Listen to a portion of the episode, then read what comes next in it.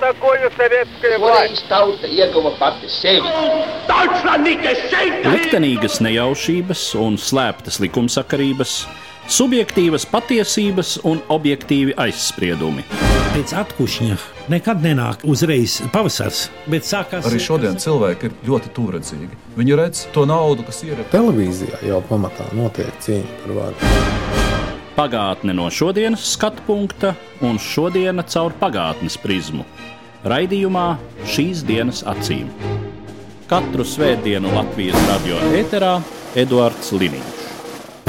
Labdien, cienījamie klausītāji! Šodien, šī gada pēdējā raidījumā šīs dienas acīm, vēlos atcerēties vairākas pagājušā gadsimtā mūsu nācijai nozīmīgas personības, kuru dzīves apaļas un pusapaļas gadsimtas atzīmējām aizejošajā gadā. Sākšu ar ilgadējo Latvijas Nacionālā teātra vadītāju Alfrēdu Amtmani Briedīti, kopš kura dzimšanas šogad apritēja 135 gadi. Alfrēda Amtmaņa Briedīša vadīto Nacionālo teātri raksturo teātra zinātniece, Nacionālā teātra literārās daļas vadītāja Ieva Struka. Visos laikos jau ir teikts, ka tas ir realisms. Un mēģināt tātad pašas dzīves formās attēlot dažādu laikmetu dramaturgiskos darbus. Bet šis realisms vienalga ir bijis nevis dzīves patiesība, bet mākslas patiesība. Jo tas pilnīgi noteikti nav salīdzināms ar to, ko mēs šodien nereti teātrī saucam par reālismu, kas, teiksim, tojās jau naturālismam vai dokumentālajam teātrim, kad skatuves laiks jau faktiski ļoti pietuvojas tam dzīves laikam. Tas tomēr ir saprasēts, koncentrēts uh, realisms, un ar visu to šai reālismā, kā dominējošajā estētiskajā virzienā, katru sezonu ir bijuši viens, divi, trīs darbi, kas ir bijuši ļoti teatrāli, rotaļīgi, spilgti, ekspresīvi. Es pat pieņemu, ka dažkārt tas ir ticis darīts, lai vienkārši paplašinātu un noturētu to aktieru trupas talantu daudzveidību, jo ne jau visi aktieri ir pēc sava aicinājuma psiholoģiskā teātra aktieri. Bet, ja mēs runājam tādos ļoti lielos vilcienos, tad iepratī dēls ekspresijai, jā, šis ir realisms, kādā lielākoties ir strādājis Nacionālais teātris. Bet no otras puses, piemēram, 32. un 33. gadā ievērojamākais notikums Latvijas teātris dzīvē ir Mihaila Čehova viesošanās Nacionālajā teātrī. Un pat pavirši uzmetot skatienu tām fotografijām, kas ir saglabājušās, un arī kaut kā ļoti, ļoti, ļoti aptuveni zinot, kas ir nu, Mihails Čehovs, liela aktieru skolas virziena radītājs Krievijā, un vistuvāk tomēr ir šis ekspresionistiskais teātris, jeb e, jaunā intensitātē pārdzīvojuma teātris tad Mihāls Čehovs un viņa atstātais mantojums un viņa radītās izrādes Nacionālajā teātrī, tās nav realistiskas. Nevar tās par tādām saukt. Tāpēc es tomēr uzdrošinos arī pārzinot um, simts gadu repertuāru un režijas uh, vārdus, kuri tad šeit ir strādājuši arī kā viesrežisori, teikt, ka teātris ir bijis ļoti daudzveidīgs. Pat ja divas trešdaļas no tā repertuāra ir bijušas ieturētas realistiskā spēles stilā, un kurā laikā ar to saprotu. Alfrēda Amtmaņa Briedīša vienaudzis ir ievērojamais Latvijas ārlietu dienesta darbinieks, vēlāk pretošanās kustības dalībnieks un represētais Ludvigs Sēja.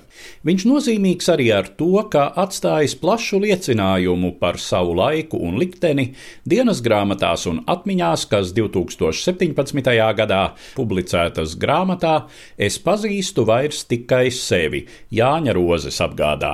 Stāsta grāmatas sastādītājs vēsturnieks Uldis Neiburgs. Ludvigs Sēja ir teiktu, varbūt viens no talantīgākajiem Latvijas republikas diplomātiem savulaik starpkara posmā. Viņš dzimis 1885. gadā Zemgāles pusē, vairāk bērnu ģimenē, taču iegūst labu izglītību un arī apgūst labas franču valodas zināšanas. Ja viņš bija devies arī bēgļu gaitās, pēc 5. gada revolūcijas studējis arī ārzemēs un neilgi piedalīdamies ar Latvijas neatkarības karā, pēc tam viņš pats pieteicās dienestā Latvijas ārlietu ministrijā. Un varētu teikt, ka samērā īsā laikā no preses sekretāra viņš kļuva par politiski ekonomiskā departamenta vadītāju, un vēlāk jau 21. gadā, 22. gadā aktīvi jau darbojās Amerikas Savienotajās valstīs kā Latvijas pārstāvis. Un bija tātad viens no tiem, kas sekmēja arī ASV, kad atzina Latvijas neatkarību de jure. Pamatā mēs varam runāt par Ludvigu Sēju kā par Latvijas pārstāvi trijās valstīs - ASV, Lielbritānijā un visvairāk Lietuvā.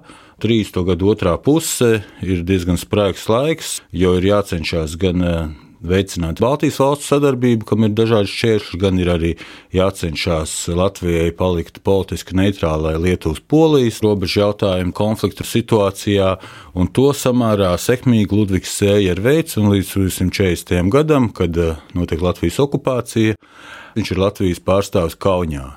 Lietuvā. Vēlāk jau viņš, varētu teikt, ir spilgts piemērs gan Latvijas valsts, gan tautas, gan mūsu ārlietu dienas traģiskajam liktenim otrā pasaules kara gados, jo viņš ir viens no tiem cilvēkiem, kurš cieš gan no nacistu, gan no komunistu represijām. Ludvigs Sēja padomju okupācijas laikā 40. 41. gadā strādā par franču valodas pasniedzēju Latvijas universitātē. Vācu okupācijas laikā viņš ir viens no tiem sabiedrības pārstāvjiem sākotnēji, kas arī lolo ilūzijas par kaut kādu vismaz, ja ne neatkarības atjaunošanu, tad ierobežotas suverenitātes atgriešanu, par uh, kaut kādu ārlietu resoru darbības atjaunošanu vismaz ierobežotā veidā, bet kā viņš to pats apraksta, tas viss cieši krahu un neveiksmi. Un viņš tāpat turpina darboties universitātē, paralēli viņš arī brauc uz savām lauku mājām, rūpējas par savu ģimeni, un uh, viņš bija viens no tiem, kas aktīvi darbojās LCP tieši ārējo sakaru uzturēšanas komisijā. Rīgā notika laikā no 47. gada janvāra līdz aprīlim vismaz trīs Baltijas valstu pretošanās kustības pārstāvju sanāksmes. Vismaz kāda no tām arī Ludvigs Sējas dzīves vietā iespējams, kā to dažādas liecības saka, un viņš bija ļoti aktīvs arī šo LCP politisko dokumentu izstrādāšanā, diskusijā par Baltijas valstu kaut kādu ciešāku sadarbību, un kā mēs zinām, viņa vārds zem 50. kārtas numura ir atrodams arī 47. gada martā tapušā pēc LCP iniciatīvas 188 Latvijas sabiedrības politisko darbinieku memoranda. Viņu apcietināja 44. gada pavasarī. Viņš ir ieslodzīts gan Salaspils nometnē, gan Štuthofas koncentrācijas nometnē. Karš un okupācijas izšķir arī viņa ģimeni. Viņa sieva Herta brīnumainā kārtā tikai pārdzīvo Dresdenes bombardēšanu, bet viņiem, diemžēl, nav lemts satikties 45. gada janvārī, februārī, kad notiek tā saucamie nāves marši, jeb Šutkovas koncentrācijas nometnes evakuācija, kas ir nacistu okupētā Polijas teritorija. Tad viņam palaimējās, atšķirībā no Konstantīna Čakstes, kurš iet bojā šādā nometnes evakuācijas vienā gājienā, Ludvigs Sēja to pārdzīvo. Taču viņš ir ieslodzīto grupā, kur poļu vietējie partizāni atbrīvo vai kur vācu apsardze jau tur ir pametusi. Un, jā, viņš atrodas šajā padomju okupētajā teritorijā.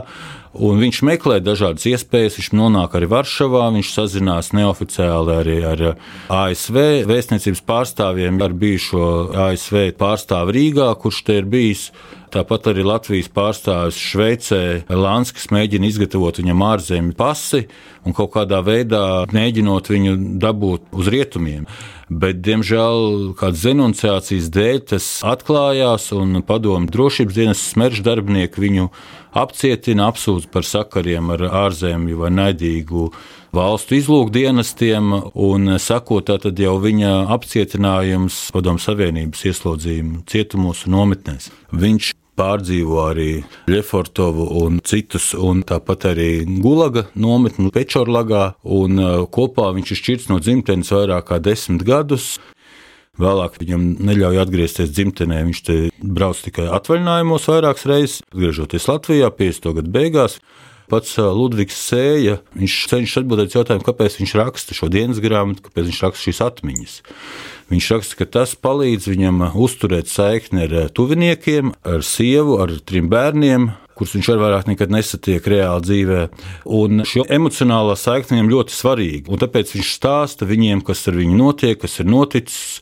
Un uh, vienlaikus viņš ir saka, ka viņš cer, ka varbūt ar zināmas atziņas, ko viņš savā atmiņās un vērojums pasaka, ka tie kādreiz būs arī noderīgi viņa tautai, kas varbūt to varēs lasīt, izvērtēt šo laiku Mākslinieka Gustava Kluča radošais mūžs nebija saistīts ar Latviju.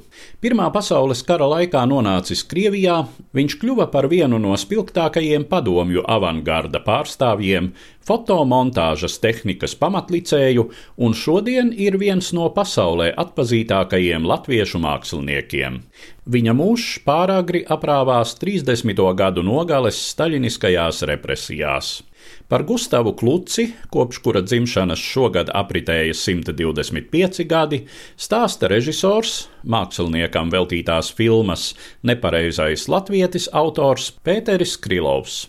Kas viņš bija? Akls komunists, teiksim, konformists, kas piemērojās dažādām varas prasībām, ticīgs cīnītājs jau par šo bolševiku ideju. Tā arī paliek jautājums. Bet tas, kas man patīk pie visas tās varbūt nezināšanas un neinformētības rietumu, Eiropas un vispār rietumu cilvēkiem, kad viņi vērtē šo mākslu, ka viņi kaut kā ļoti viegli un ātri atdala šo ideoloģisko mērķi, jā, kurā mēs arī klūci nu, uztveram visu laiku, no tā, ka viņi tiešām saskata, ka tur ir tā liela izcila māksla, ka viņa ir ļoti spēcīga, ka viņa ir ļoti lakoniska, ka viņa ir ļoti tīra. Es domāju, ka tur tas latviečs viņam izpaudies. Ir, ārkārtīgi spēcīgi, ka viņš bija ļoti vienkāršs un ļoti stiprs savos izteiksmes līdzekļos. Jo mēs, kas skatāmies uz teiksim, tiem pašiem plakātiem, kur ir Staļins ar visām savām ūsām, ja teiksim, viņš prevalē, un mums, protams, tā Staļina galva šausmina, un mēs ļoti maz ko saskatām tam apkārt. Bet, ja skatās, kāds ir uzbūvēts tās kompozīcijas, kāds viņš ir taisījis to pašu fotomontāžas principus, kā viņš ir spēlējies ar cilvēku uztveres mehānismiem, kā tagad eh, diez vai kāds labi ar to darbojās pie visām trīs dimensiju kompjuteru montāžām. Jā. Viņš visus šos principus toreiz ar šķērītēm un līmīti saviem plakātiem ir lietojis perfektāk nekā tagad ļoti daudz. Viņš jau tā arī pats uzskatīja, ka viņš tā vienā savā piezīmēs raksta diezgan jāsaka ar lielu patmīlību un pašcieņu, ka tikai es un Džons Hartils, tas vācu arī fotomontāžas cilts tēvs, esam īstie fotomontāžas autori, vispārējie tikai epigoņi kāpēc viņš un citi krievu avangarda mākslinieki bija tik nozīmīgi, ka viņi jau tā stūbi to teikt, tas ir pēc lozunga izskatās, bet viņi ar savu mākslu tiešām reāli izgāja ielās.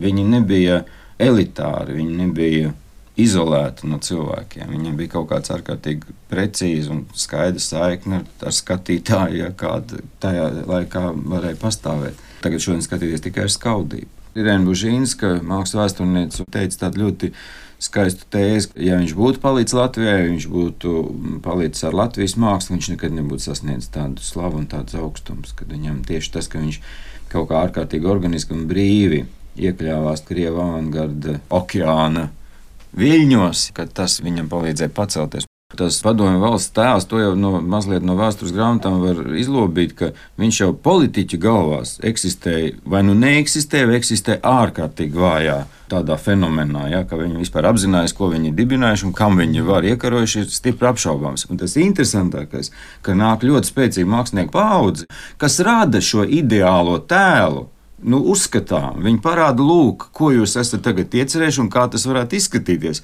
Un tauta, un arī, protams, tie paši politiķi, kas to ir izcīnījuši ar durkļiem un tagad nezinu, ko tālāk darīt, viņi saprot, jā, tas ir tas, ko mēs esam radījuši, tas mums patīk. Šogad apritēja 90. gadsimta, kopš 32 gadu vecumā mūžībā devās spilgtais latviešu liriķis Jānis Ziemeļnieks. Par ziemeļnieka vietu latviešu literatūras kopainā literatūras zinātnieks Latvijas Universitātes profesors Emeritus Viesturs Vecgrāvis. Ziemeļnieks paliek svešs ekspresionismam. Ziemeļnieku nesaistā imažīniskie eksperimenti un modernā urbānā tēlēnība, kā tas bija raksturīgs ne tikai Čakam, bet arī kurcijam, laicēnam, pat, protams, sudrabkalnam arī daļēji. Ja mēs runājam tādā modernitātes aspektā, vienīgais no jaunlaiku ismiem, ko nu varētu inkriminēt ziemeļniekam, ir simbolisms. Ziemeļniekam viens no vistuvākajiem, varbūt pat vistuvākais dzinieks bija krievu dzinieks Aleksandrs Bloks Un bloks tomēr ir viens tāds izteikts simbolisma novitāšu pārstāvis. Ziemeļnieks noteikti paņem kaut ko arī no simbolisma, un ja man būtu jāmēģina to definēt, tad tas nav tik daudz poētikas novitāšu aspektā, bet simbolisma raksturīgajā mīlestības pielūgsmē, dievišķās mīlestības meklēšanā, simbolismam raksturīgajos pretstatos starp ikdienas realitāti, profāno pasauli un sakrālo pasauli, ko, protams, raksturo jūtu pasaules intensitāte, jūtu pasaules romantizēšana. Un noteikti es gribētu uzsvērt vienu lietu, ko savulaik uzsvēra dzinieks Gunārs Saliņš kādā sarunā 90. gados ar Māri Čaklo. Ir kaut kas, kas vieno čaku un ziemeļnieku. Un tā, proti, ir romances tradīcija, romancei raksturīgais mīlestības appoetizēšanas kults. Un Saliņš pat uzsvēra to, ka viņam ziemeļnieks Saliņam, tātad kā modernistam, Ziemēnieks ir viens no vistuvākajiem dziniekiem. Un Gunārs Saliņš kādā citā vietā par Ziemēnieku ir izteicies, ka ir diezgan žēl, ka Ziemeļnieka mīlas jūtu poētiskumu un melanholisko koptoni nav pārņēmusi jaunā, modernā latviešu lirika. Un, ja es domāju par šo melanholiskumu, ko Saliņš ir uzsvēris Ziemēnieka dzējā un personībā, nu tad es teiktu, ka tomēr pēckarā latviešu dzējā, tā es domāju latviešu dzēju pēc otrā pasaules kara, Ir viens dzinieks, kurā šis melanholiskais tonis un ideāla meklēšanas alkas ir diezgan izteiktas. Tas, proti, ir agri mirušais trimdas dzinieks Linards Stauns. Staunam, protams, ir absolūti modernistiska poētika, bet pasaules izjūtā viņu daudz kas vieno ar ziemeļnieku. Un visu pirms tā ir tā sapņa atšķeltība no ikdienas realitātes. Šīs atšķeltības dramatisma, neteikšu sakāpināta, bet diezgan intensīva izjūta. Turpinājumā fragments no sarunas ar manu kolēģi no Latvijas radio klasika, mūzikas žurnālistu Orestu Silabriedi, kurā pieskārāmies rakstnieka un komponista Marģera Zariņa daļradei. Kopš Marģera Zariņa dzimšanas šogad apritēja 110 gadi. Ierakstā arī mazi fragmenti no Marģera Zariņa svītas Grieķu vāzes un mūzikas kinofilmai Motociklu vasara. Es pat gribētu teikt, ka visa viņa literatūra no pirmās lapas līdz pēdējai ir autobiogrāfiska, tikai tā ir pārlieta ar tik lielu mistifikācijas mērci vai plīvuru apsekta, ka es pieļauju, ka cilvēks, kurš par Marģeru Zariņu neko nezina, varbūt viņam pat neienākt prātā, ka ir kādas paralēlas. Nu, te var sākt no paša sākuma, jā, viltotais Fausts, kapelmeistars Kociņš, trauksmēnī 33, tā vien jau ir sāga. Šis uh, likteņa moments, kas ir autoru, protams, mētājis lielā mērā līdzi visas latviešu tautas likteņa gaitām pagājušā gadsimtā, un tas jau arī tur atspoguļojas. Un, kad palasām Zariņa tādus īsti autobiogrāfiskos tekstus, tad tur parādās pat līdz detaļām, līdz smalkumiem. Tas viss ir tiešām izdzīvots, Jā, saistīts ar viņa personu. Un pirmkārt, to droši vien vajadzētu saistīt ar viņa pirmajiem un beidzamajiem memoāriem, kur beidzamie ir arī viņa pēdējais teksts. Par literārajām preferencēm tie ir tiešām Eiropas kultūrai tādi ļoti dziļi un ļoti pamatīgi klātesoši motīvi, kas ir šie Fausta, Mefistofeļa motīvi, kurus tiešām um, pat ne tikai katrs literāts, bet arī katrs lasītājs, es domāju, sevi tā vai citādi ar šo motīvu samēro. Jā, tikai tad ir jautājums, cik tuvu katrs šo motīvu sev grib pielaist. Ja man liekas, ka Marģeris Zariņš savu avantūrista garu lielā mērā pierāda, spēlējoties ar lietām, no kurām cits varbūt bēgtu krustu metot. Tieši tā, un tā ir tā, es domāju, tā mākslinieka uzdrīkstēšanās un tas. Un tas, Respektīvi, tas, kas padara viņu par kaut ko daudz vairāk nekā vienkārši sava dzīves sižeta fiksētāju.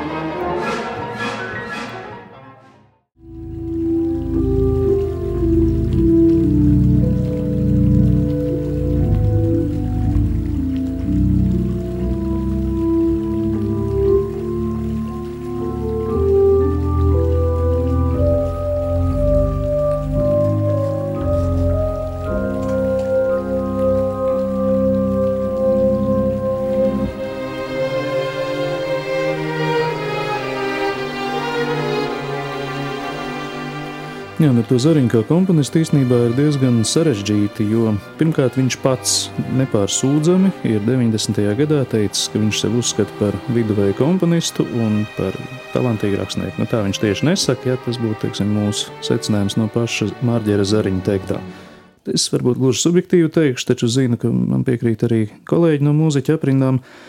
Arī viņa mūzika var būt ārkārtīgi spēcīgs iedvesmas avots pat arī mūsdienu klausītājiem, Ja salīdzinām Marģera Zariņa ar parādībām pasaulē, nu tad tā ļoti īsi sakot, tas, ar ko viņš spēlējis pēc otrā pasaules kara, mūzikā jau lielā mērā bija izspēlējušies līdz otrajam pasaules karam. Faktiski 50. un 60. gados visi, kas strādāja zināmās attiecībās ar stilizācijām vai ar tonālu mūziku, un citiem vārdiem sakot, nebija modernisti, nu, viņus sauc par anachronistiem. Marģers Zariņš mums ir uzdevis ārkārtīgi daudz muzikālu mīklu, tādā nozīmē, ka klausoties viņa gabalus, mēs varam mēģināt saprast, vai tas mums asociējas ar renesansi vai baroku, vai šeit mēs dzirdam kādu džēzam ļoti raksturīgu basa līniju.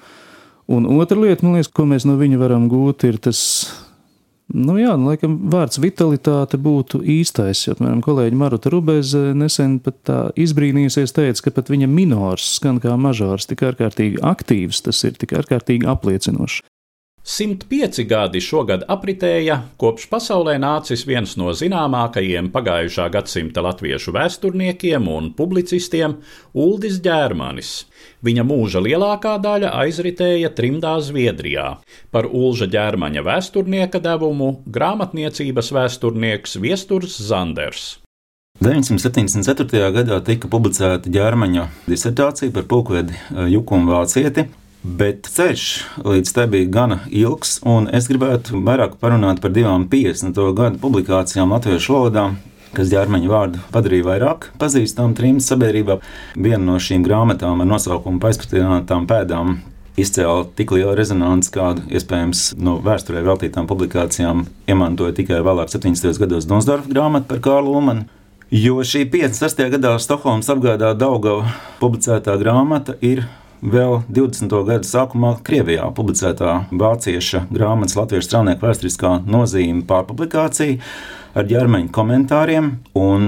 Šī grāmata no dažādu nacionālu noskaņotu militāru personu, un ne tikai to puses, izpelnījās diezgan tādu rezervētu un atsevišķos gadījumos pat stipri kritisku attieksmi.